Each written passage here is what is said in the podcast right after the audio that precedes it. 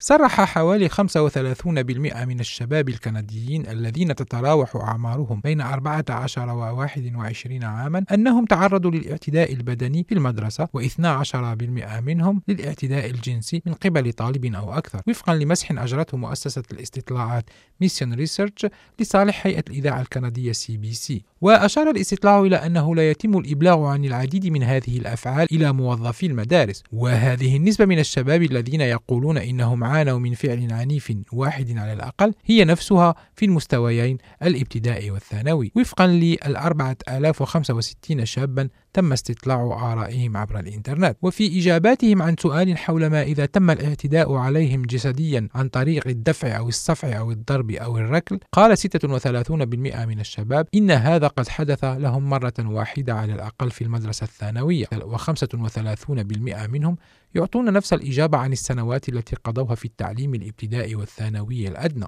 والذكور أكثر عرضة للإيذاء الجسدي من الفتيات حوالي 40% مقابل 30% وقال نحو من ثلث الشباب إنهم تعرضوا للتهديد بالعنف مرة واحدة على الأقل في المدارس الابتدائية والثانوية. وفي المرحلة الثانوية العليا يقول 57% من الشباب إنهم كانوا هدفا لخطاب الكراهية أو للتعليقات من طلاب آخرين مرة واحدة على الأقل شخصيا أو عبر الإنترنت. هذه النسبة بلغت 47% في السنوات السابقة. ومن بين أولئك الذين أبلغوا عن تعرضهم للإيذاء سواء كانت إهانات أو تهديدات أو اعتداء جسدي لم يبلغ اثنان من كل خمسة الأمر إلى موظفي المدرسة. وتشرح كلاغ بومون أستاذة وباحثة في العنف المدرسي في جامعة لافال في كيباك هذا الموقف que les jeunes nous disent aussi dans les recherches, c'est qu'ils n'en ont parlé à personne parce que tout d'abord, ils trouvent ça humiliant. Ok, Ils Mhm. trouvent que c'est- humiliant.